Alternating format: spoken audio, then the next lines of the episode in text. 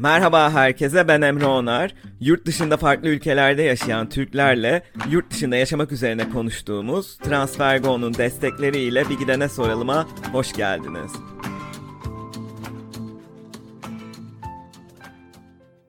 Transfergo uygun kur ve düşük gönderim ücretiyle çok hızlı hatta aynı gün içinde uluslararası para transferi yapabileceğiniz bir mobil uygulama. Üstelik TransferGo'yu kullanmaya başlayan her arkadaşınız için 22 euro ödül kazanabilirsiniz. Bu bölümde Berlin'e gidiyoruz ve Berlin'de bir İstanbullu podcast'ini hazırlayan Ceyda Altı kardeş konuğum. Ceyda ilk sezonda 6. bölümdeki podcast'in en sevilen bölümlerinden biri olan ve benim de favorilerimden Polonya'da yaşamayı konuştuğumuz Beyza'nın kardeşi ve bir önceki bölümdeki konuğum Elif Aktaş gibi o da master tezi sırasında bir gidene soralımdan faydalanmış. Şehir ve göçmen cinsiyet ilişkisini araştıran Ceyda'ya Sabancı'daki bir hocası Aslı İkizoğlu Erensu kaynak olarak podcast önermiş ve bunu öğrenince çok şaşırmıştım doğrusu. Ee, bu süreçte tabii Ceyda da yurt dışına taşındı ve bugün konuğum olarak karşımda e, enteresan oldu açıkçası. Kısaca Ceyda'dan bahsedeyim.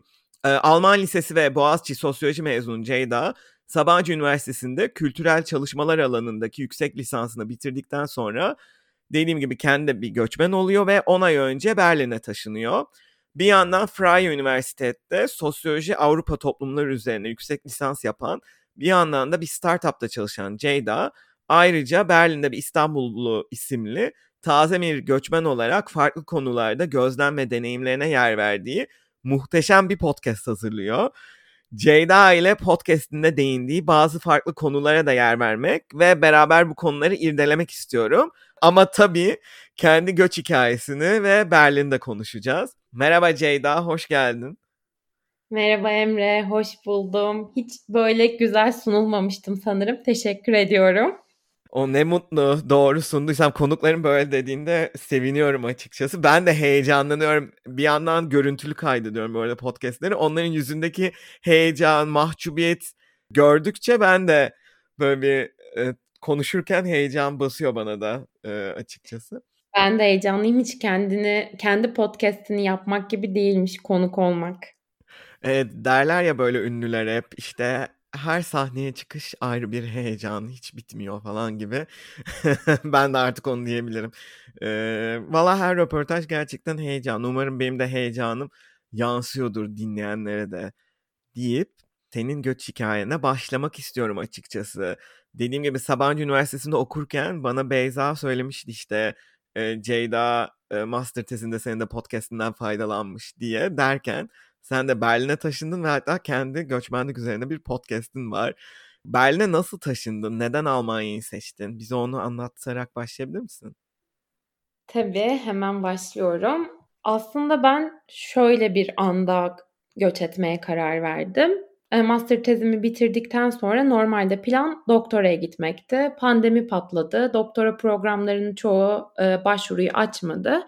Hmm. Açanlara da şimdilik başvurayım. Nasılsa kabul olmayacak. Seneye tüm başvuruları yaparım demiştim. Ama tezimi yazdıktan sonra akademi içerisinde kalıp kalmamak hakkında e, şüpheye düştüm. Ama Türkiye'de kalıp bir sene beklersem bir yerde çalışmam gerekecekti. Kültürel çalışmalar e, master'ım var. Sosyoloji okudum. Yani kurumsal hayatta çok iyi bir yerde başlayamayacağım barizdi. E, çok iyi bir yerde başlayamazsam iyi para kazanamayacağım ve genel hayat şartlarımı devam ettiremeyeceğim de apaçık ortadaydı.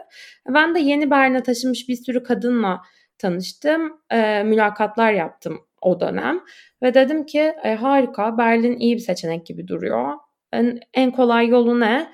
Master'a başvurayım. Master yaparken yarı zamanlı çalışma iznim olsun. Para kazanayım. Bu esnada tekrardan düşüneyim. Doktoraya gitmek istiyor muyum? Ona göre yine başvuru yaparım. Ya da e, özel sektörde çalışacaksam da en azından Berlin'de iş deneyimim olur dedim. Bu şekilde geldim. Neden Berlin? Yani bir dediğim gibi Berlin'den kadınlarla konuştuğum için ama Hani ben aslında Almanya değil e, Berlin'i seçtim. Yani Alman liseliyim. Daha önce çok kez Almanya'ya gidip geldim. E, Berlin'de Erasmus yaptım. Berlin'i çok seviyorum. Tanıdığım şehir, bildiğim şehir. Dediğim gibi hani Berlin'den kadınlarla konuştum. E, üstelik şehir büyük bir şehir. Çok fazla iş alan, olanağı var çünkü çok fazla startup var. Berlin böyle oldu. Yani Berlin olmasa Almanya'da başka bir şehire gitmezdim anlayacağın.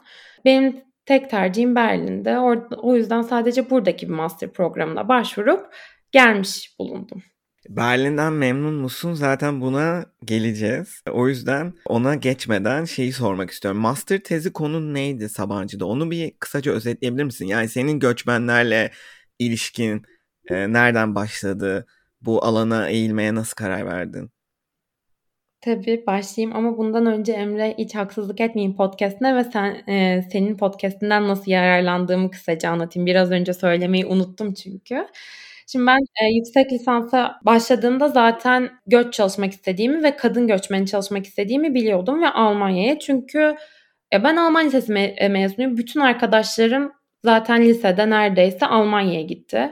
Ve üniversitenin son senesinde de yine etrafımdaki birçok insan yurt dışına gitmek için uğraşıyordu. Ablam yurt dışında yaşıyordu ve ben böyle öyle bir noktadaydım ki hayatımda değer verdiğim insanların çoğu ya yurt dışında ya yurt dışına gitmeye çalışıyor. Böyle olunca e, ben de göçü araştırma kararı aldım. Ama hani tam olarak neye odaklanacağımı bilemediğim bir noktada kendisi de göç çalışan hocam işte Aslı bana dedi ki bak Ceyda böyle podcast var biliyor musun? Bir dinle. Ben zaten ablamla e, bölümümden dolayı biliyordum ve takip ediyordum seni ama bu sefer hakikaten araştırmacı olarak e, takip etmeye başladım. İşte notlar alıyorum, ortak yanlar ne ya da e, insanların cevapları ne, hangi noktalarda farklılaşıyor ve neden farklılaşıyor gibi. İşte senin klasik sorularından biri de benim mülakat sorularım oldu sonrasında e, Türkiye'ye dönmeyi düşünüyor musunuz diye. Bu şekilde yararlandım. Bu arada hocan herhalde şaşırmıştır. Biliyor musun bu podcast dediğinde evet ablam konuk olmuştu dediğinde. Evet çok da şaşırmamıştır. Yani aslında bayağı dinleniyor İstanbul'da senin podcast'in. Yani çok insan gitmek istiyor ve akademide de göç çok çalışılıyor. Dolayısıyla senin podcast'in bayağı iyi bir kaynak haline gelmiş durumda. O yüzden hani zaten herkesin ya bir tanıdığı konuşmuş oluyor ya çoktan dinleyicin oluyor insanlar. O yüzden çok şaşırdığımı bilmiyorum açıkçası. Utandım ama mahcup oldum ben de. Valla gurur duy. ee, master tezim de şöyle. Ben son 10 senede İstanbul'dan Berlin'e göç eden iyi eğitimli kadınların göç motivasyonlarına ve şehir deneyimlerine odaklandığım bir master tezi yazdım. Hem İstanbul'daki yaşamlarını hem Berlin'deki yaşamlarını dinlediğim 20 mülakat yaptım kadınlarla. Yani 20 kadınla. Ve sonuçlar da şöyle oldu. Fark ettim ki İstanbul'da yaşarken kadınlar sürekli kadın oldukları için kendilerini tehlikede hissediyorlar. O yüzden de dışarıdayken yani şehrin içindeyken her zaman etraflarını e, farkında olma, kolaçan etme ve tetik halindeler. Bu da çok ciddi bir mental yük ve yorgunluk yaratıyor kadınların üzerinde. Ve bu yükü, yorgunluğu ben Rob Nixon'un yavaş şiddet terimiyle açıklıyorum. Nixon diyor ki şiddet dediğimiz şey her zaman fiziksel ve ani olmak zorunda değil. Yavaş yavaş belki her zaman fark edebileceğin düzeyde olmayan ama kümülatif biriken bir şekilde büyüyen e, şiddet de şiddettir aslında ve bu da yavaş şiddet diyor. Ve e, İstanbul'daki kadınlar gerçekten kadın oldukları için bu e, yavaş şiddete maruz kalıyorlar ve tabii ki bu çok yorucu bir hale geliyor. Bu da İstanbul'dan göç etme motivasyonu oluyor onlar için. Bundan kurtulmak istiyorlar çünkü. Mesela şey çok ilginç. Göçmen birçok kadına sorduğunda İstanbul'dan göç etmiş. Seni İstanbul'dan ne itti diye sorduğunda ilk cevaplardan biri trafik oluyor. Ve hani ya bir şehirde trafik var diye ülke değiştirir misin ger yani gerçekten diyebilirsin ama aslında hani mülakatlarda ilerledikçe ve konuştukça anlaşılıyor ki trafik birçok kadın için çok ciddi bir taciz alanı. Hmm. Ve e, bu kadınlar e, her gün işlerine ya da okullarına gitmek için toplu taşımaya ya da arabada da olsa kendi arabasında da olsa bu trafiğe girmek zorunda kalıyor ve taciz ediliyorlar. Ya da taciz edilmemek için sürekli tetikte olmaları gerekiyor ve tabii ki bu onlar için çok yorucu. Bir sürü taktik oluşturmak zorunda kalıyorlar günlük hayatlarını geçirebilmek için. Planlarını trafik saatlerine göre e, düzenlemek ya da yanlarında ekstra kıyafet taşımak gibi. Dolayısıyla bu hep diken üstünde olmak ve e, taktik oluşturmak tacizden kaçmak için e, ciddi bir yük ve seni İstanbul'dan uzaklaştırıyor. Ve yani e, bu kadınlara senin klasik sorunu sorduğumda Türkiye'ye döner misiniz? Evet diyenlerin hepsi aslında İstanbul'a değil e, Ege şehrine dönerim diyor. Bu da hani gerçekten bu kadınlar İstanbul'dan yaşamak istemiyor ve oradan kaçıyorlar demek. Hani bir yandan İstanbul'un bir e, itici göç motivasyonu var ama diğer yan, diğer yandan da Berlin'in çekici bir göç destinasyonu olması söz konusu. İşte startup merkezi, çok iş var, büyük şehir, daha fazla göçmen var. Çünkü göçmenlerin e, birçoğu çok beyaz bir yere gitmekten çekiniyor. Ve Berlin olmazsa diğer seçenekler Almanya'nın başka büyük şehirleri değil. Bu kadınların hepsi Berlin'e ya da başka bir büyük Avrupa şehrine gitmek istiyorlar. Ve hatta Berlin'e gelemeyenler yine diğer büyük Alman şehirlerindense Berlin'e yakın küçük şehirleri tercih edip ilk basamak olarak oradan sürekli Berlin'e gidip gelip e, sonra e, yani işin sonunda Berlin'e taşınıyorlar. Yani gerçekten burada hani bu hikayelerden anlıyorsun ki asıl amaç Berlin'de olmak, Almanya'da değil. Sonra bir de tabii tezin Berlin'deki hayat boyutu var. Ee, Berlin'in sağladığı koşullar, sağlayamadığı koşullar, ırkçılık e, ya da birçok kadın fiziksel ve mental sağlıklarının iyileştiğinden bahsediyor. Ama bir yandan işte patriarka her yerde, e, tabii ki Berlin'de de tacize uğruyorlar ama sürekli korkmuyorlar ya da sosyal güven daha fazla olduğu için ya da toplumsal güven e, başlarına bir şey geldiğinde yardım edileceğine inanıyorlar ve kendilerini daha güçlü hissediyorlar. E, ve belki de en önemlisi cinsiyet kimliklerinin günlük hayatlarında artık ciddi bir önem oynamadıklarından bahsediyorlar. Yani İstanbul'da sürekli kadın olduklarını hissederken sokakta e, artık Berlin'de kadınlıklarını bu kadar farkında değiller çünkü onun üzerinden bir tehdit hissetmiyorlar. O yüzden hatta çok ilginç hepsi Berlin'i neredeyse hepsi diyeyim Berlin'deki yaşamlarını cinsiyetsiz olarak betimliyorlar. Böyle hmm. yani özetle benim tezim. Çok ilginç. Aslında çok farklı noktalara değiniyor. Hani genel bir tabii çatı konu olmasının yanı sıra mesela şey noktası benim podcastlerde de insanların dediğini doğruluyor. Yani bunu çiftler de söylüyor. Bilmiyorum erkek konuklarımdan da diyen olmuştu sanki ama kadınlar mı özellikle diyor. Bunu hiç düşünmemiştim. Ama şey söylenen bir nokta işte Türkiye'ye dönmeyi düşünüyor musun? Hani ileri safhalarda işte bir Ege kasabası olur. İzmir, Urla, Bodrum buralar söyleniyor. Bu genel bir eğilim genel olarak belki İstanbul'un hani kapasitesini doldurup artık özellikle bazı noktalarda kadınlar için özellikle hani güvenlik e, sorunu da teşkil etmesi bunu da e, bunu da ayrıca senin de dediğin gibi tez araştırmanda kanıtlamış oluyorsun aslında evet. böyle bir eğilim olduğunu e, ve evet aslında kadının yani benim de kadın konuklarımdan da bunun altını çizen çok oldu. Güvende hissetme. Yurt dışında. Hatta hatırlıyorum birkaç bölümde mesela Selin Tufanoğlu İngiltere'de yaşamak bölümü ilk sezonda o demişti. Onun çok net hatırladım şimdi. O yüzden onun ismini telaffuz ettim. O mesela söylemişti burada sokakta rahatça yürüyebiliyorsun gece bile olsa hiç şüphen yok diye.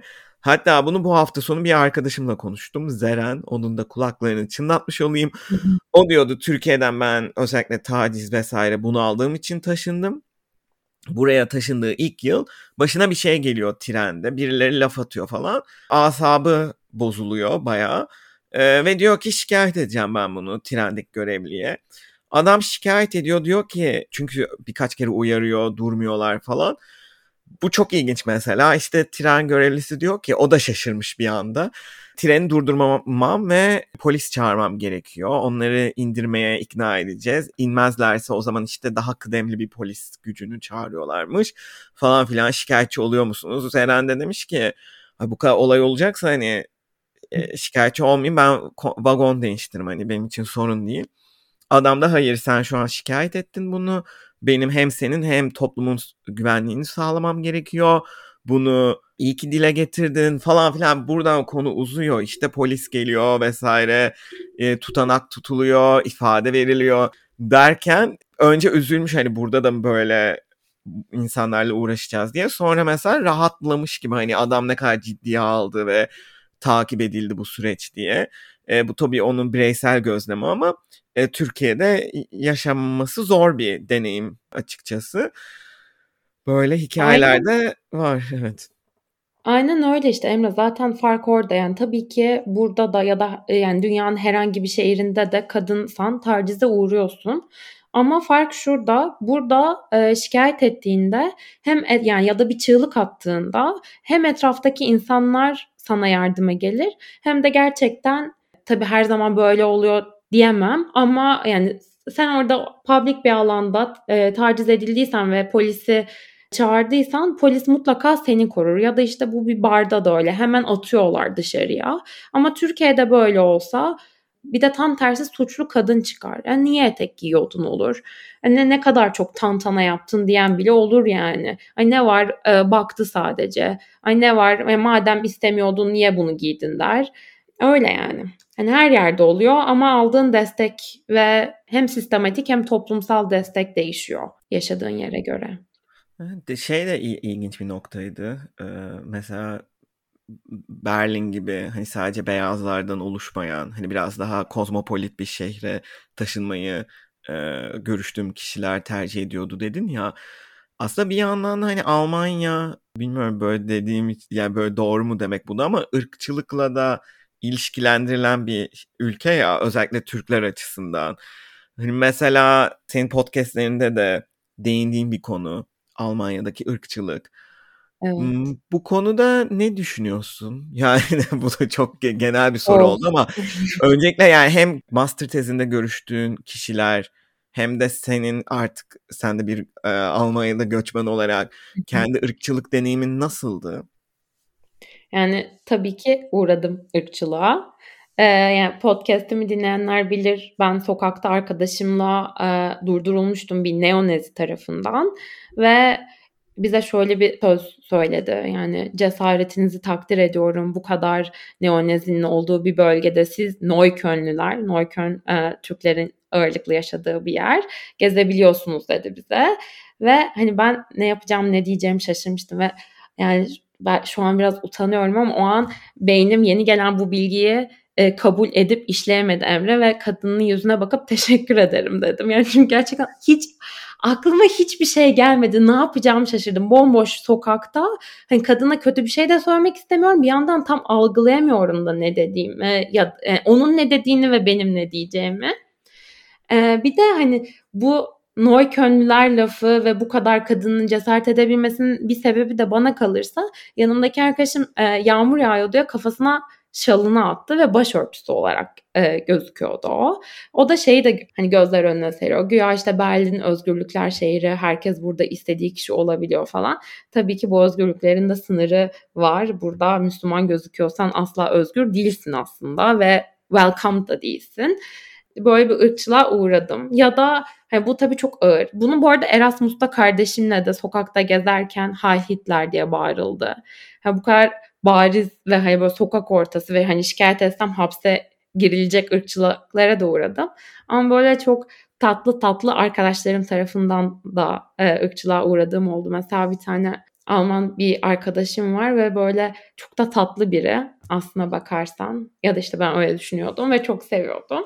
Ve böyle politik bir meseleden konuşuyorduk. Çünkü önemli bir devlet insanının görevlisinin bir akrabası bu kişinin arkadaşıymış ve onun hakkında bir şeyler anlatıyordu. Ben de şey yorum yaptım. Yani tabii ki bu senin arkadaşının bazı şeylere erişimi e, çok daha fazla dır dedim. O da hayır hayır öyle değil deyince ben de nasıl öyle değil ya eğer işte dedim akrabası buysa bu da çok hani güçlü bir devlet insanı mutlaka e, bazı şeylere erişimi vardır ve bana bana şöyle bir şey söyledi.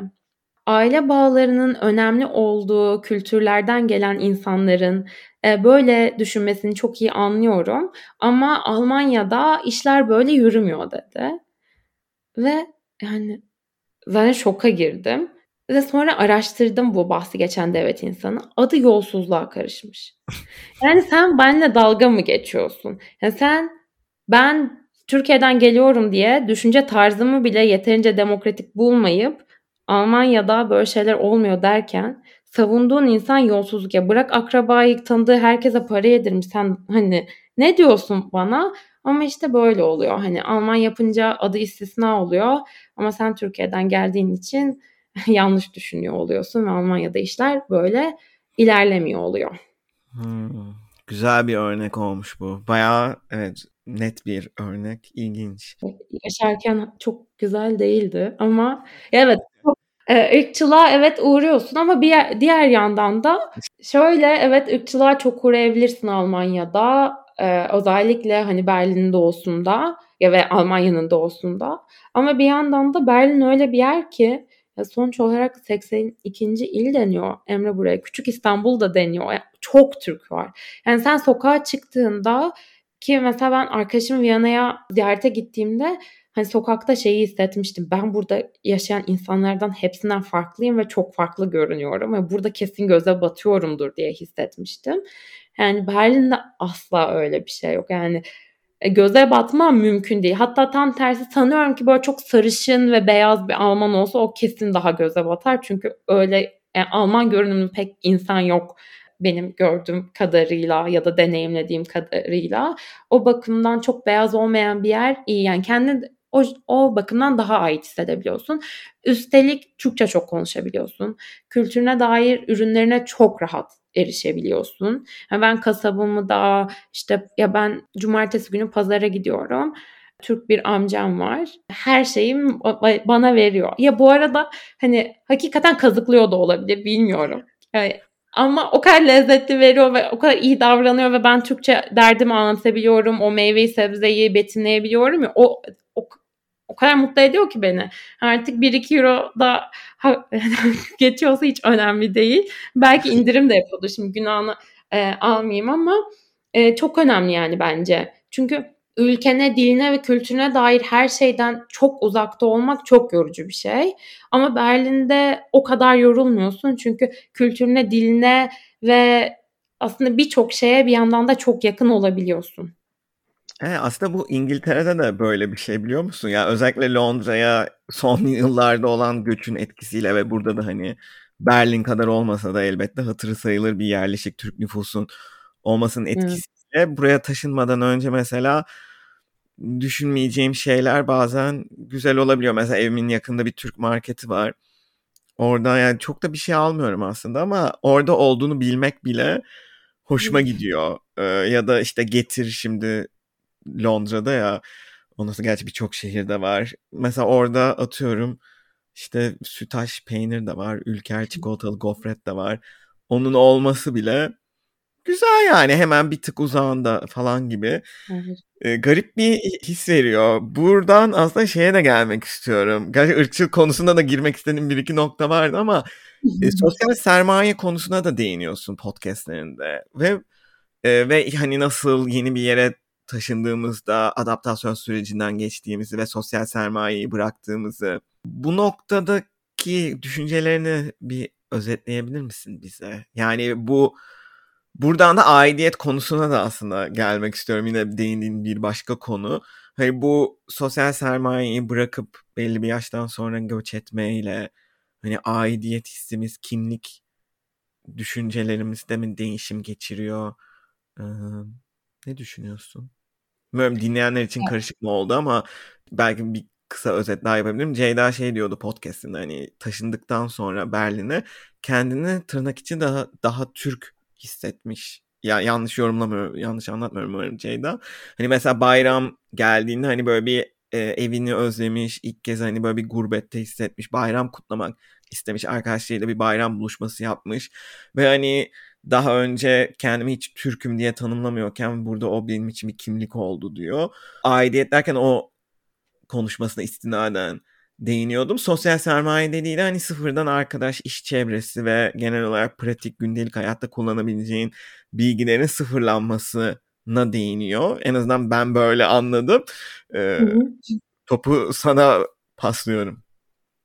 Şimdi ilk istersen bu aidiyet ya da kimlik meselesine e, den başlayayım. Ya de, biraz önce dediğim gibi zaten göç ettiğinde hayatında bir sürü şey bir anda yok oluyor ve bu hani garanti olarak gördüğün şeyler ve sen bunların birçoğunu çok özlüyorsun. Bu mercimek çorbası da olabilir. Kafanda yani bir saniye bile düşünmeden e, sabah gördüğüm birine günaydın demek de olabilir. Ya da başka herhangi bir gelenekte. Ve bu sadece özlem de değil tek başına. Çünkü üstüne böyle senin özlediğin şeylerin burada e, hor görüldüğünde görüyorsun e, dilin, kültürün ya da herhangi bir şey olabilir bu dediğim gibi.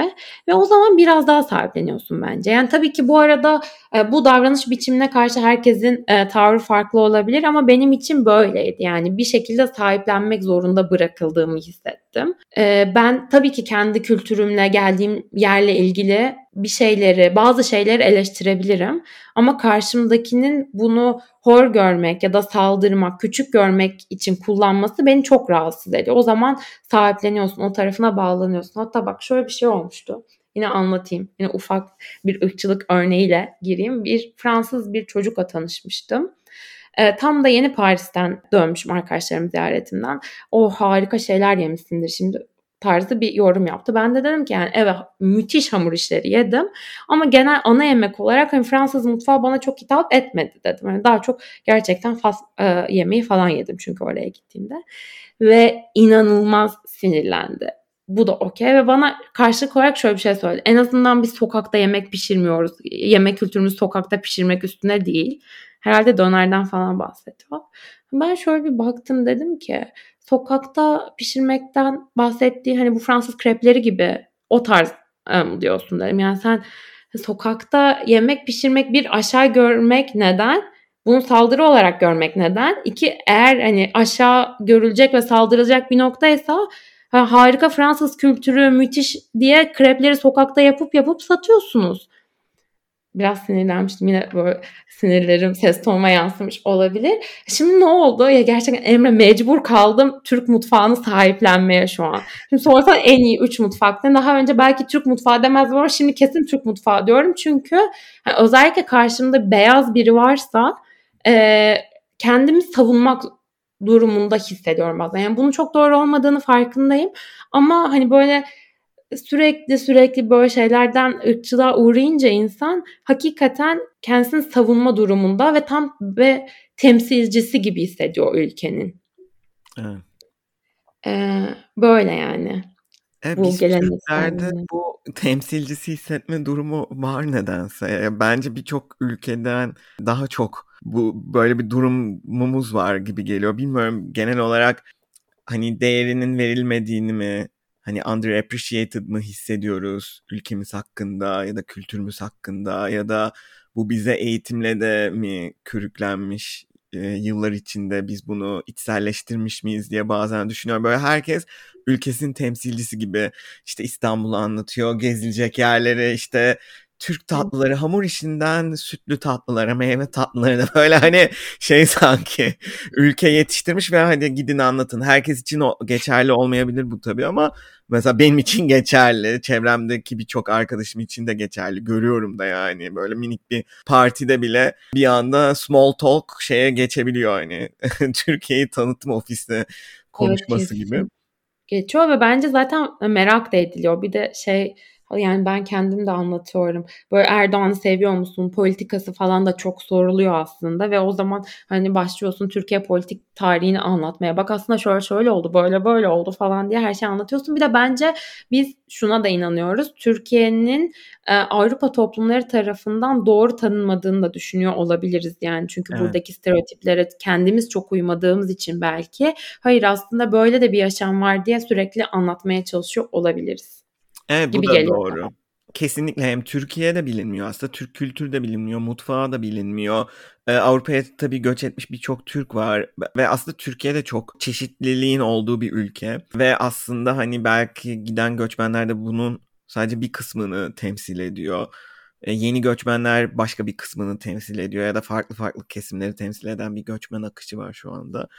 Ve onlar da aslında kendilerini tanıtmış oluyor. Bu da yavaş yavaş aslında benim gördüğüm bakış açısını değiştiriyor gibi geliyor bana. Ee, İngiltere'de çünkü şu an bence herkesin bir ofisinde Türk bir tanıdığı varsa ve birileri anlatıyorsa. Bilmiyorum bu da zamanla belki bakış açısını değiştirebilir ama oturmuş stereotipler var. Ee, özellikle Almanya tabii ki bu konuda başı çekiyor en çok Türk nüfusun olduğu ülke olarak. Ee, mesela senin dediğin podcastinde değiniyorsun yine işte Erdoğan'ı seviyor musun işte ya da iyi Türk müsün falan gibi ta- sorular sorulması ya da böyle bir iyi Türk tabiri kullanılması. Bu konu da aslında ayrı bir ırkçılık mı? Bu yeni nesil göçmenlere karşı hani kültürel olarak daha yakın olsa da Almanlara yine de ırkçılığa maruz kalınıyor mu buradan da? Ya şöyle Emre bu hani hiç Türkiye benzemiyorsun diyorlar ya ben bunun kesinlikle bir ırkçılık örneği olduğunu düşünüyorum. Çünkü aslında hepimiz çok iyi biliyoruz ki bunu iltifat olarak söylüyorlar. Aa sen hiç Türkiye benzemiyorsun. Çünkü o kafasındaki stereotiplere hiç e, benzemiyoruz büyük ihtimalle ve seni tebrik ediyor. O yüzden diyor ki aa sen hiç Türklere benzemiyorsun. Ya burada mesela ben şeyi anlayamıyorum. Teşekkür mü etmem gerekiyor? Bu nasıl bir iltifat yani? Gülay Türkmen'in bir makalesi var. Podcast'imde de bahsettiğim tam olarak bunu diyor aslında. Özellikle Avrupa'daki Türk imajı ırktan ziyade şehir ve yani şehir ya da kırsal geçmiş e, sosyo-kültürel sınıf ve dinle alakalı. Ve sen Müslüman gözükmediğin için ve işte büyük ihtimalle büyük bir şehirden geldiğin için buradaki Avrupalının kafasındaki Türk imajına uymuyorsun. Ve sana diyor ki aa sen iyi Türklerdensin. Çünkü kendisine benzettiği için senin dediğin gibi bizim hani kültürümüz daha yakın olduğu için kendisine benzetiyor. O zaman diyor ki aa sen iyi Türklerdensin. Yani bir zaten kendisine benzeyeni iyi e, benzemeyeni kötü olarak algılaması zaten başlı başına bir ırkçılık örneği. Bir de yani sen diğer Türkler gibi değilsin diye iltifat ederek ayrı bir ırkçılık örneği gösteriyor. Yani evet ben bunun ırkçılık olduğunu düşünüyorum. Ve bunun da hani ırktan ziyade senin de dediğin gibi sosyokültürel sınıf, şehir geçmişi ve dinle alakalı bir şey olduğunu düşünüyorum. Yani biz Müslüman gözükmediğimiz için büyük ihtimalle iyi Türk oluyoruz onların karşısında. Hmm. Peki Berlin'deki bu yeni ve eski göçmenler arasındaki dinamik nasıl? Bayağı da bir yeni göçmen akışı var Berlin'e. Evet ya şöyle e, maalesef aslında bu stereotiplerden ve ırkçılıklardan kaçınmak için e, yeni nesil göçmenler kendilerini sürekli olarak eski göçmenlerden ayrıştırmaya çalışıyorlar. Ama bunu da e, eski göçmenlere bir şekilde ayrımcılık e, yaparak yapıyorlar. E, ve bu çok konuşuluyor. Ama ben şeyden bahsetmek istiyorum. Yani benim tezimde de tabii ki böyle söyleyen kadınlar vardı ama çoğunluğu aslında bu göçmenler için çok pozitif konuştular. Mesela şöyle söyleyen çok oldu. Ben gelmeden önce aslında çok iyi düşünmüyordum ve belki kafamda iyi bir konumda değillerdi. Ama burada kendim göçmen olduktan sonra ve ırkçılığa uğradıktan sonra, burada bir yaşam mücadelesi verdikten sonra çok saygı duymaya başladığını söylüyor. Çünkü, e, çünkü hani düşünsene geldikleri dönemde çok daha bariz ırkçılıklara uğruyorlar. Hani dil bilmiyor, e, gerekli eğitimi yok belki ve burada kendisine iş, ev, aile kuruyor. Yani bu müthiş bir başarı. Ya da birkaç kişi şöyle bir şey söyledi ve ne kadar doğru ve göz ardı edilen bir gerçek aslında. Dedi ki onların zamanında çok zor şartlarda verdiği mücadeleler sayesinde benim şu an göçmen olarak bu kadar hakkım var ve bir Türk olarak burada bu kadar rahat edebiliyorum. Onların mücadelesi yüzünden ve o yüzden ben sadece teşekkür edip saygı duyabilirim ilk gelen göçmenlere dedi. Yani tabii ki e, müthiş doğru. Ve şimdi bak mesela aklıma şey de geldi. İlk gelen göçmenleri birazcık daha hor gelen e, sınıf hakkında böyle yorumlar yapıyor. Almanca bile öğrenmemişler mesela senelerce burada yaşayıp. Ya yani o kadar çok beyaz yaka Türk var ki şu an burada Almanca konuşmayan hiç öğrenmemiş ve öğrenmeye niyeti de olmayan. Ve hani ben bunu hiç yargılayarak söylemiyorum çünkü hani bıraksan aslında ben de hiç Almanca konuşmayabilirim. Ama eğer bunu bir yargılama yolu olarak e, kullanıyorsan ya bir kendine bak sen de Almanca konuşmuyorsun. Senelerdir de hiç burada kalıyorsun ve hiç konuşmamışsın. Öğrenmeye gayret bile etmemişsin. Ve bunu hani Almanya'da senelerce konuşup insan bir kelime bile Almanca öğrenmez mi ya diye bir de kendin bir saldırı olarak kullanıyorsun. Bence bu bayağı ayıp bir şey yani. Aa, bu çok ilginç bir nokta. Aslında podcast konuklarımı da düşünüyorum. E, bunu dile getiren böyle bir şey olmadı. Aslında çok eski göçmenler üzerine pek konuşmadığımızı fark ettim genel olarak. E, ama e, şunu söyleyebilirim. Birçok ülkede yaşayan kişi ana dil İngilizce değilse ya da o ülkenin ana dilini bir şekilde lisede öğrenmemişse Fransızca, Almanca gibi öğrenmeye çok çaba sarf etmiyor. Belki ancak vatandaşlık aşamasında böyle gerekli miktarı öğreniyor. Ama %50-50 falan diyebilirim. Yani birçok konu yaşadığı ülkenin dilini bilmiyor evet. Ya ve zaten yani çok da büyük ihtimalle gerek duymuyoruz yani ben kendim de anlatıyorum. Yani burada birçok şey ya İngilizce ilerliyor zaten iş hayatı falan kesinlikle İngilizce ya da bir kafede bile İngilizce konuşuyorsun. İngilizce konuşmuyorsan da kesin Türkçe konuşuyorsun. Yani Almanca'ya gerçekten gerek yok. Ya burada Berlin'de yaşıyorsan ve hele atıyorum Kreuzberg'de yaşıyorsan zaten Almanca'ya kesinlikle gerek yok.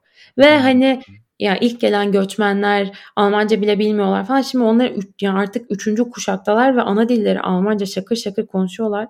bak biz hiç konuşamıyoruz. Farkında mısınız? Yani hmm. konuşamıyoruz yani. Ben tabii ki burada üç kuşaktır olan göçmen geçmişli insanlar kadar Almanca konuşmam mümkün mü? Değil yani. Ana dilleri. Bir de aslında yani o zamanda göç edenler çok zor şartlarda göç ediyor. O zamanlar teknoloji de bu kadar gelişmiş değil ve şimdi göç edenlerin aslında kültürel sermayesi daha yüksek. Yani daha eğitimli bir kesim göç ediyor. Tabii ki. Ona rağmen hani dil öğrenme kapasitesi ya da kabiliyeti daha yüksek olabilir. Hani İngilizce de bildiğinden vesaire. Ama bunu tercih etmiyor belki de. Bu da enteresan bir bakış açısı ve karşılaştırma. Bak bunu hiç daha önce düşünmemiştim. Peki yeni nesil göçmenlerin Berlin'de gruplaşması nasıl? Öyle bir community olma durumu var mı? Yoksa böyle ufak ufak gruplardan mı oluşuyor işte atıyorum ODTÜ mezunları, Boğaziçi mezunları falan gibi. Yani bu konu hakkında çok bir şey okuduğumu söyleyemem Emre. Ancak kendi gözlemlerimi paylaşabilirim seninle. Ama bana şey gibi geliyor sanki Türkiye'de ya da işte İstanbul'da nasıl sosyalleşiliyorsa burada aynı pratikler paralel olarak devam ediyor gibi geliyor. Çünkü normalde işte göç, göçmen olduğunda Türkiye'de ya sen senin de bir sürü konun aslında değiniyor. Türkiye'de arkadaş olur muydun bilmiyorum ama burada işte çok sıkı fıkı oluyoruz, çok iyi arkadaş oluyoruz. Ee, ama Türkiye'de olur muydun bilmiyorum diyorsun. Çünkü işte belki ana dilini konuşabildiğin ve e, benzer deneyimler yaşadığın insanları arıyorsun ama burada o kadar çok Türk var ki. Hani inan seçme şansın var yani. O yüzden bana kalırsa aynı pratikler devam ediyor. Yani mesela böyle işte İstanbul'da şey vardır ya böyle birkaç mekan bilirsin. Beyaz yakalılar işten sonra oralara gider yemek yemeye ya da içme. Gerçekten Berlin şubeleri var Emre yani beyaz yaka barları, restoranları var yani. Sadece Türklerin gittiği Türk beyaz yakanın. O yüzden burası evet evet tabii böyle hani o yüzden çok bana paralel gibi geliyor. Aynı sosyalleşme biçimleri gibi geliyor bana açıkçası. Yine okuluna göre ya da işte mesleğine göre devam. Vay be çok enteresan. Hani o kadar spesifik mekanlar olacak kadar. Ee, bir yandan da aslında podcastlerinde bu sosyal sermaye konusunda da dile getiriyorsun aslında. Hani sıfırdan bir çevre oluşturma falan gibi konular Almanya'da o zaman bu biraz da hani Berlin'de de artık bu kadar hani Türkiye'den gelmiş beyaz yaka Türk göçmenlerin takıldığı mekanlar olması raddesindeyse e, diğer ülkelere göre daha mı kolay gelişiyor? Kesinlikle daha kolay bence Berlin. Ama yine de e, ben ya sosyal sermayeyi kaybetmek göçün en zor kısmı bana kalırsa. Çünkü ya şimdi çoğumuz aslında bir ailenin içerisine doğuyoruz. Bu da demek oluyor ki belirli bir sosyal sermayenin yani çevrenin içine doğuyoruz. Doğduğumuz andan itibaren zaten bir çevre var ve biz sonrasında sürekli üstüne koyarak bu çevreyi büyütüyoruz. Yani ilkokuldan başlayarak ilkokul arkadaşları, ortaokul, lise, üniversite, master, iş, staj, sosyal aktiviteler yani 27 yaşındaki biri göç ettiyse 27 yaşına kadar hani en az bir 20 senelik birikimi var ve bu birikimi zaten var olan bir birikimin üzerine koymuş. Bu binlerce insan demek belki. Ve sen buraya geldiğinde çok insan tanıyor olsan bile 10 kişi tanı hadi 15 kişi tanı. Bu birikimin yanında sıfıra yakınsın aslında. Yani burada baştan eczacı bulmak zorundasın, doktor bulmak zorundasın, doktor önerecek biri bulmak zorundasın. Musluğun bozulursa tamirci, tamirciyi önerecek yeni biri, onu tanıyan, indirim sağlayacak vesaire. Bunların hepsini baştan yaratmak zorundasın. Ve senin böyle kurulu olan düzenin üzerine koy 20 senede biriktirdiğin 3-5 senede yapman mümkün değil yani. Anca bir 20 sene sonra aynı e, noktaya gelirsin. Bu da yani bana kalırsa gerçekten göçün en en zor kısmı. Ve yani insanın insana ihtiyacı var ne yapmak lazım? nasıl bu ihtiyaç giderilir? Burada e, Berlin'de yaşayan insanların çok büyük Facebook grupları var. Ötekilerin Berlin dalgası ve New Wave Berlin. Bence isimler de harika bu arada. Gerçekten İstanbul'da kendisini öteki hisseden insanların Berlin buluşma noktası Berlin ve hani yeni dalga Berlin göçü.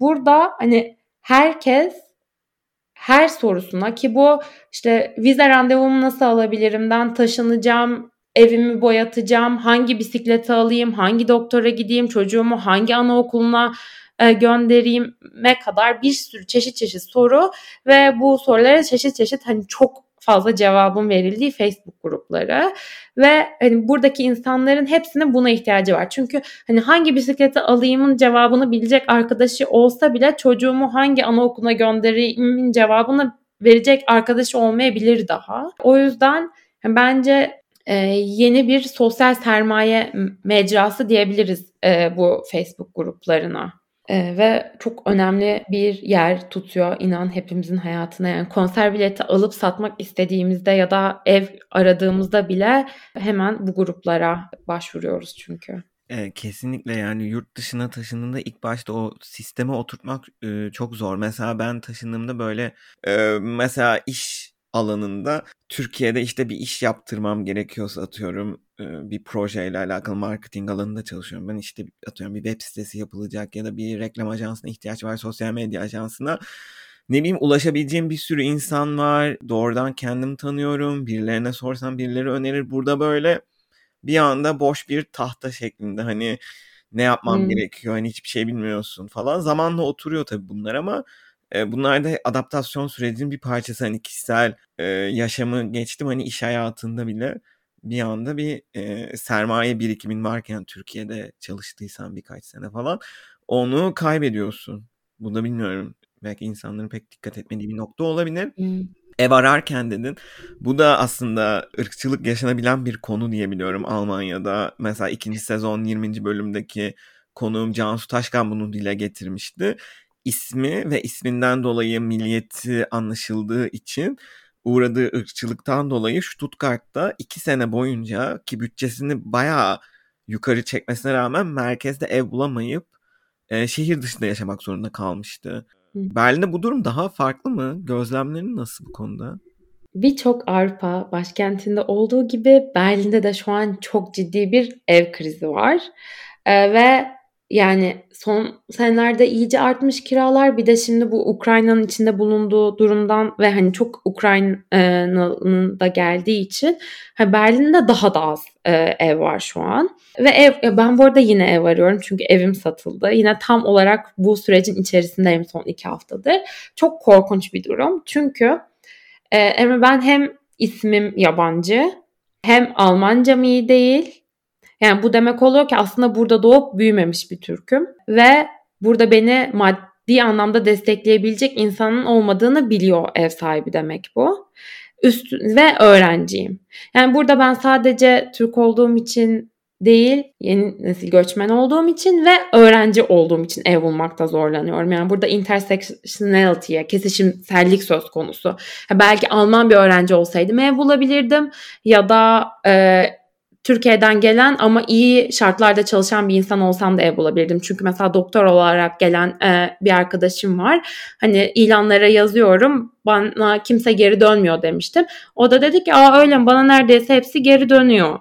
Yani o zaman anladım ki yani hakikaten bu benim sadece Türk olmamla ilgili bir durum değil. Çünkü iyi para kazandığını gösterince e, Türk olsan bile veriyorlar ev sana. Ama hem öğrenci hem yabancı olunca bir anda hani şansın sıfıra iniyor. Yani bu durumda da tek çare tanıdıklar vasıtasıyla ev bulmak oluyor. Ama tanıdıklar vasıtasıyla ev bulmak e, son çarense eğer burada da Türk olmak tabii ki e, bir avantaj haline dönüşebilir. Çünkü bir anda çok tanıdık yani tanıdığın tanıdığı tanıdığı falan olabiliyor yani diğer göçmenlerle kıyaslayınca tabii. Ben zaten şu ana kadar yaşadığım iki evi de e, tanıdık vasıtasıyla bulmuştum. Şimdi yine umuyorum ki bulacağım ve sokakta kalmayacağım. Almancan iyi değil dedin ama Alman lisesi mezunusun. Emre senelerce hiç Almanca konuşmadım. Eee, dolayısıyla bayağı pratiğim az. Yani oturup film izleyebiliyorum ama kendim konuştuğumda hala acayip strese giriyorum ve hiç konuşamıyorum sanıyordum ben bu arada kendimi. Ama geçen gün bir iş mülakatında Almanca konuşur musun dediler bana ve herhalde o an ne, ne gücü bilmiyorum. Bir anda şakır şakır Almanca konuşmaya başladım ve şoka girdim. Yani çünkü buraya geldiğimden beri gerçekten zorlanıyorum aslında Almanca konuşurken. Ama hani demek ki o stres faktörünü atınca ya da yeterince strese girince konuşabiliyormuşum. Çünkü hani böyle bayağı bir iş görüşmesini Almanca yapmak asla kolay bir şey değil bana kalırsa. E, bütün o terimlerle bir de düzgün konuşman gerekiyor falan. Hakikaten 40 dakika hiç durmadan aralıksız Almanca konuştum ve sonra bir de Almancama iltifat aldım. Ama günlük hayatta konuşunca gerçekten konuşamıyorum. Ama böyle herhalde aslında hani iç yerlerde bir yerlerde beynimde var ama ya kendim çok stres oluyorum ya da yeterince zorlamıyorum. O yüzden e, yani ev ilanlarında ya da konuştuğumda vesaire evet bazen e, Almanca iyi gelmiyor olabiliyor ve hatta işte ya of yine bir ırkçılık örneği anlatmak istemiyorum. Herkes Almanya'ya gelmekten soğuyacak. Ama doktor randevusu alırken e, Almancamı e, beğenmediği için ki İngilizce hizmet veren bir yerden alıyordum. İngilizce konuşan birini ara diye doktor randevusu almaya çalıştığım kadın yüzüme telefonu kapattı. Aa. Evet.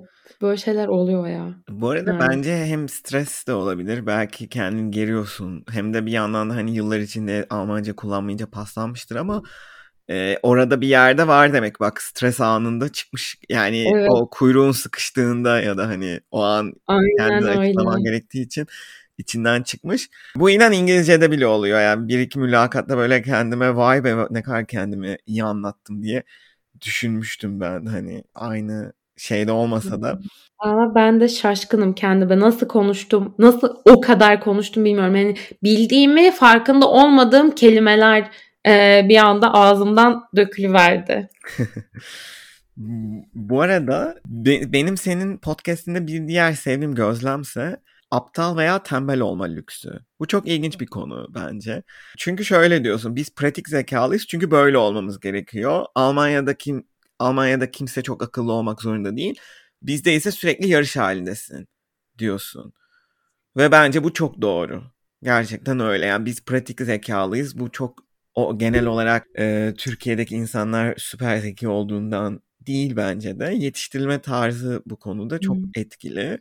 E, sınav sistemleri olsun, genel kültürü olsun, gelişmekte olan bir ülke olmasının vermiş olduğu şartlar olsun bizi bence böyle biraz daha mücadeleci, yükseği hedefleyen, çalışkan olmayı hedefleyen ve kendini zorlayan, sınırlarını, şart, e, potansiyelini zorlayan insanlar haline getirmiş gibi düşünüyorum. Ha burada da öyle insanlar yok mu? Var ama bence daha azınlıkta. Ortalama bir İngiliz mesela ya da ortalama bir Alman için de bunu diyebiliriz. Kendin işte en iyi işe gireyim, en iyi okula gireyim, işte şunu da yapayım, bir yandan şunları da başarayım diye zorlamıyor ve ben bunu sen diyene kadar çok da düşünmemiştim açıkçası. Evet, bunu biraz açabilir misin? Ya aslında bence bu tabii ki alım gücü ve devletin e, sana sağladığı hayat garantisiyle ilgili bir durum. Hani Türkiye'de belki özellikle de İstanbul'da e, her şey için savaşman gerekiyor. Sürekli bir mücadele söz konusu. Çünkü belirli bir standartın üzerinde yaşamak istiyorsan ki bu standart yüksek değil çok ortalama bir standarttan bahsediyorum. Çok paraya ihtiyacım var. Yani dolayısıyla ben 6'ya kadar çalışayım, herhangi bir işte çalışayım, herhangi biri olayım dersen maalesef tatile de gidemezsin, e, iyi bir evde de oturamazsın, belki iyi beslenemezsin, farklı şeyler deneyimleme falan yani bunlar mümkün değil. Ama burada e, aylık çok ortalama bir maaşla şehirde iyi bir evde oturup iyi beslenip tatile gidebilirsin. Yani burada en zeki, en başarılı olmana gerek yok. Ortalama olarak da hayatını iyi şartlarda devam edebiliyorsun. O yüzden tembel olma ve hatta aptal demeyeceğim, akıllı olmama lüksüne sahipsin. Ee, ya şöyle düşün Emre, ben İstanbul'da iki ev arkadaşıyla yaşıyordum. E, ikisi de çok iyi okullardan mezun, çok iyi işlerde çalışan ve Türkiye'nin e, geri kalanına göre e, iyi para kazanan insanlar.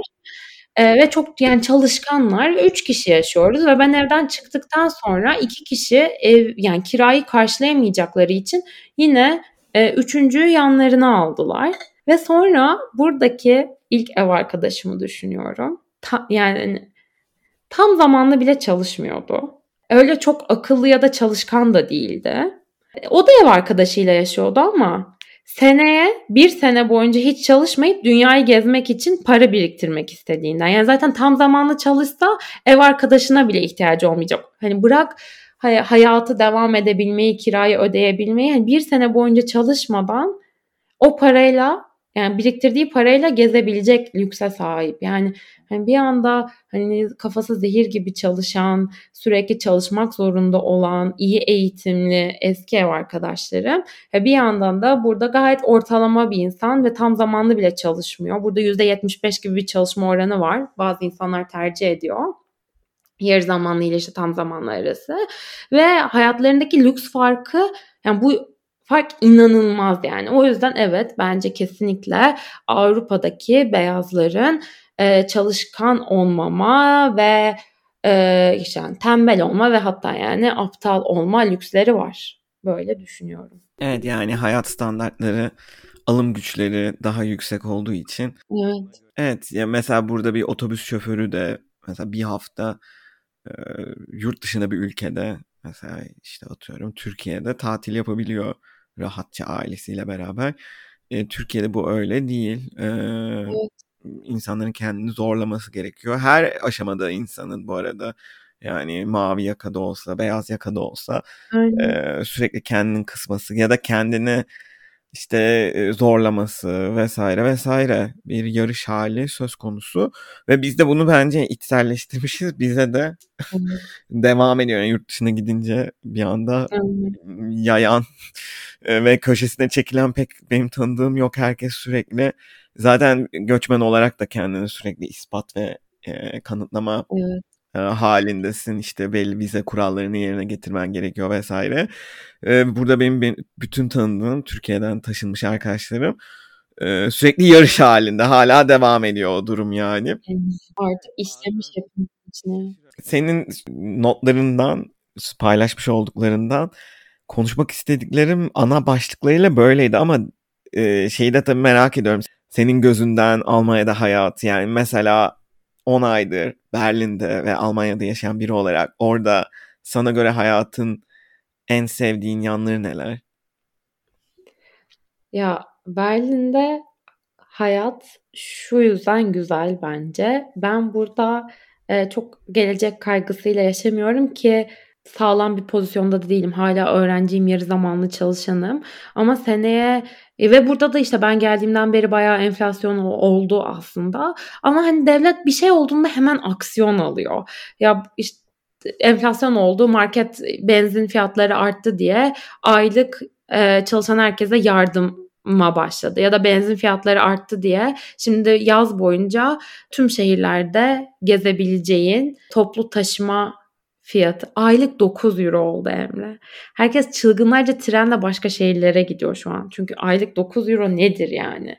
Çok ucuz ya da e, o yüzden gelecek kaygısı olmadan yaşamak harika bir duygu bu bakımdan kendini daha güvende hissedebilmek. Bir de ne bileyim görüşme boyunca anlattım işte. Dedim ki Paris'e gitmiştim yeni ya da işte Viyana'ya gitmiştim. Çünkü o iki şehirde de arkadaşlarım yaşıyor ve çok uyguna bilet alıp çat başka yerleri gezebiliyorum. Ya bu benim için hakikaten e, Türkiye'deyken özellikle son senelerde bir lüks haline gelmişti artık. E, ve burada lüks değil bunun adı. Burada long weekend bunun adı yani. Bu harika bir şey gerçekten. İstanbul'a iki saat uzaklıkta bir yere gitmekten hafta sonu için bir farkı kalmadı artık neredeyse e, şehirler arası dolaşmanın. E, o yüzden hani çok uyguna da biletler bulabiliyorsun. E, o yüzden Berlin'de yaşamın benim için en güzel noktaları bunlar. Peki en zorlayan yanları neler oldu? Ya şimdi ben buraya geldim ve baştan bir hayat kurmaya çalışıyorum. İşte malum eski alışkanlıklarım, rutinlerimi burada e, devam ettiremiyorum. O yüzden hepsini baştan oluşturma sürecindeyim. E, bu da çok yorucu. Bir de böyle sevdiğin insanların, hep yanında olan insanların verdiği güvence yok sana. O yüzden çok zorlayıcı. Ama hani şeyi de düşünüyorum ya o zaman hadi Türkiye'ye git. Ama Türkiye'de de hayat çok zorlayıcı, kısıtlayıcı. işte üstüne geçim derdi var, gelecek kaygısı var ve hani birçok etrafındaki yani Türkiye'deki etrafındaki insanın da tek çözümü yurt dışına taşınmak. Ee, o yüzden hani böyle şikayet etmeden önce bir de seninle de konuştuk ya hep böyle bir geri adım atıyorum. Çünkü bir de Türkiye'de artık yurt dışına taşınmak o kadar iyi bir konuma getirilmiş durumda ki insanlar yani tek çözüm olarak görüyor bu kaygılardan kurtulmak için ve bunun hakkında kötü hiçbir şey duymak istemiyor. Şikayet etmek e, duymak istemiyor ama ben hep şeyi altın kendi podcast'imde de altını çizmeye çalışıyorum. Yani bu bir trade-off, bu bir fedakarlıklar dengesi.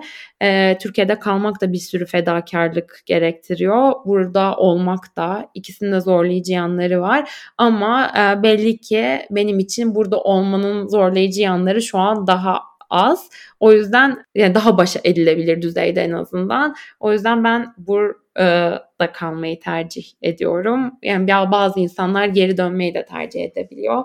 O yüzden şimdi e, şikayetlerime başlamadan önce hemen e, bir açıklamamı yaptıktan sonra devam ediyorum. Tabii ki burada yalnızlık çok zor. Ne kadar insanı tanırsan tanı, Türkiye'de e, tanıdığın kadar e, insan tanıyamıyorsun. E, ana dilini yeterince konuşamıyorsun ki hadi burada çok konuşabilmene rağmen ya ben şeyi çok özlüyorum. E, işe mesela ofise gittiğimde e, günaydın diyebilmek istiyorum ya da böyle çok e, bir çok yoğun iş yaparken biri Ceyda dediğinde aklıma o an gelen yani yes bile gelmiyor. Yani sadece efendim diyesim geliyor. Ve böyle bazen hakikaten efendim derken yakalıyorum kendimi. Yani ana dilinde konuşamamak bazı yönlerden çok zorlayıcı olabiliyor. Ve dediğim gibi Türkiye'deki sevdiklerinin olmaması. Ama bir yandan da şu da bir gerçek. Türkiye'deki sevdiklerimin çoğu da zaten artık Türkiye'de değiller. Evet, bu da ayrı bir e, konu gerçekten. E, herkesin yavaş yavaş çevresi de e, dağılıyor. Yani özellikle e, ne bileyim 90 ve sonrası kuşağın diyeyim. E, 90 ve sonrası doğumlu kuşağın 85 sonrası da olabilir. E, herkesin en az 1-2 arkadaşı en az e, bu değişerek bazı insanların %80'i bile olabiliyor. Çevresinin %90'ı yurt dışında yaşıyor. Buna akrabalar, aile e, bireyleri falan da dahil. Bir şey söyleyecektim unuttum ama olsun. E, ne sağlık olsun. E, bir sonraki soruma geçeyim o zaman. Aslında buna da ara ara değindik. Az önce de söyledin hani aile ve o büyüdüğün çevrenin özlemini de hissediyorsun ya da ana dilini de özlüyorsun. Peki genel olarak başka Türkiye'ye dair özlediğin veya hayata dair avantaj olarak gözlemlediğin şeyler neler? Hani illa klasik sorumu bu şekilde sormam gerekiyorsa e, aslında zaten biraz dile getirmiş oldun ama. E, ya dediğim gibi ailemi, arkadaşlarımı, sevdiğim herkesi çok özlüyorum ama e, onların da birçoğu Türkiye'de değil artık. Yani çok günümüzün gerçeği oldu bu sevdiklerine hasret bence. Ama insanlar dışında havayı çok özlüyorum Emre. Yani güzel havayı çok özlüyorum. Buradaki ya buradaki kış dayanılmazdı benim için. Bu sokakta donarak öleceğimi ya çok ciddi şekillerde düşündüğüm anlar oldu.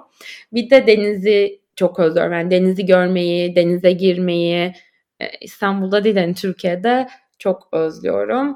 Türkiye'de yaşamanın avantajı da yani ne olursa olsun bir yerde ne kadar çok yaşarsan yaşa herhalde insan doğduğu, büyüdüğü, çocukluğunu geçirdiği ülkedeki kül, ülkenin e, kültürü kadar hiçbir yeri ve hiçbir insanı iyi tanıyamıyor herhalde. E, ve dediğim gibi hiçbir dil ana dilinin yerine geçemiyor. Hani bir psikologla konuşmak istediğinde yine Türkçe konuşmak istiyorsun. İngilizce derdini o kadar rahat anlatamıyorsun. İngilizcen ne kadar iyi olursa olsun hani o duygusal e, bağ olmuyor bence ana dilin haricinde. Yani Türkiye dediğin yer bu açılardan düşündüğünde bir comfort zone. Senin kendi çöplüğün. Hmm, çok güzel bir bakış açısı. Evet aslında zaten özlediğin şey senin konfor alanını özlüyorsun. Yani alıştığın düzenini. Evet çok doğru bu dediğin. O yüzden de belki zamanla insanlar yaşadıkları yerlere alıştıkça, uyum sağladıkça, orada bir çevre edinip, orada rutinler kurdukça Türkiye'yi özlemeleri daha da daha azalıyor. Çünkü aslında yeni bir konfor alanı inşa etmiş oluyorlar. O yüzden Hı. mesela burada arkadaşlarımdan bunu çok dile getiren var. Hani ailem olmasa Türkiye'ye belki dönmem bile hani ziyaret etmeye diye. Kimim de artık daha iyi anladığım bir bakış açısı oluyor. Ee, zaman zaman değişmekle beraber. O, evet aslında. Evet doğru. Güzel özetledin onu. Öyle. Benim aklımda başka bir sorum yok Ceyda. Yani daha aslında konuşsak o uzun uzun konuşurduk. Dediğim gibi Ceyda'nın podcast'inde 19 bölüm var değil mi? Yanlış bilmiyorsam 19 bölümde çok güzel noktalara değindin. Ee, ve e, bunların hepsi mesela göç sonrası fiziksel sağlık, göç sonrası psikolojik sağlık, beyaz olmanın lüksü, yurt dışına taşınınca tüm dertlerin bitecek mi falan filan gibi birçok konu. Bunların da hani ver, değindiklerimize de sonuçta zaman şeyi de var. Böyle aslında kısaca bir geçmiş olduk gerçekten farklı bakış açılarınla ve bunları da farklı kaynaklardan da desteklemişsin o düşüncelerini bir farklı bir düşünce oturtmuşsun bazılarında. Ee, bunları seninle tartışmak, üzerine konuşmak çok keyifliydi benim için ve sanki daha üzerine de böyle e, konuşurduk ama şimdilik bu kadar sorularım. Senin eklemek istediğin bir şey var mı? Ya valla Emre sanki bıraksan bir 5 saat daha konuşurdum gibi geliyor evet. bana. Ee, çok teşekkür ederim. Ben çok keyif aldım. Tekrar hani bu e, podcast'ta da konuk olma şansı verdiğin için teşekkür ederim. Böyle dediğim gibi zaten senelerdir takip ediyordum ben seni. Şimdi de bölümlerinden biri oldum. Tekrar teşekkürler. Ben teşekkür ederim zaman ayırdığın için. Ee, şey de enteresan gerçekten. Sonuçta Türkiye'de okurken ya zaten Beyza'dan tabii ki podcast dinlemiştin ama sonra da çalışmanda da faydalanıp şimdi kendin evet. bir göçmen olman ve konuk olman evet. 10 ay sonra Berlin'e taşındıktan güzel oldu. Böyle hikayeleri ben de seviyorum. Ve evet artık devamını belki ileride başka bir podcast teması altında olabilir ya da Berlin'de o beyaz yaka Türklerin gittiği mekanlardan birinde iş çıkışı tartışarak da olabilir. Öyle getiririz diye umuyorum. Berlin'e bekliyorum. Ben de Londra'ya ekliyorum diye. Ee, çok teşekkür ederim Ceyda katıldığın için. Çok keyifliydi gerçekten sohbet etmek. Ben de öyle. Çok teşekkürler Emre. Görüşürüz. Görüşürüz. Dinlediğiniz için teşekkürler. Uygun kur ve düşük gönderim ücretiyle yurt dışı para transferlerinizi kolayca yapabileceğiniz TransferGo sundu. Instagram ve Twitter'da Bir Gidene Soralım'ı takip edebilirsiniz. Bir sonraki bölümde görüşmek üzere.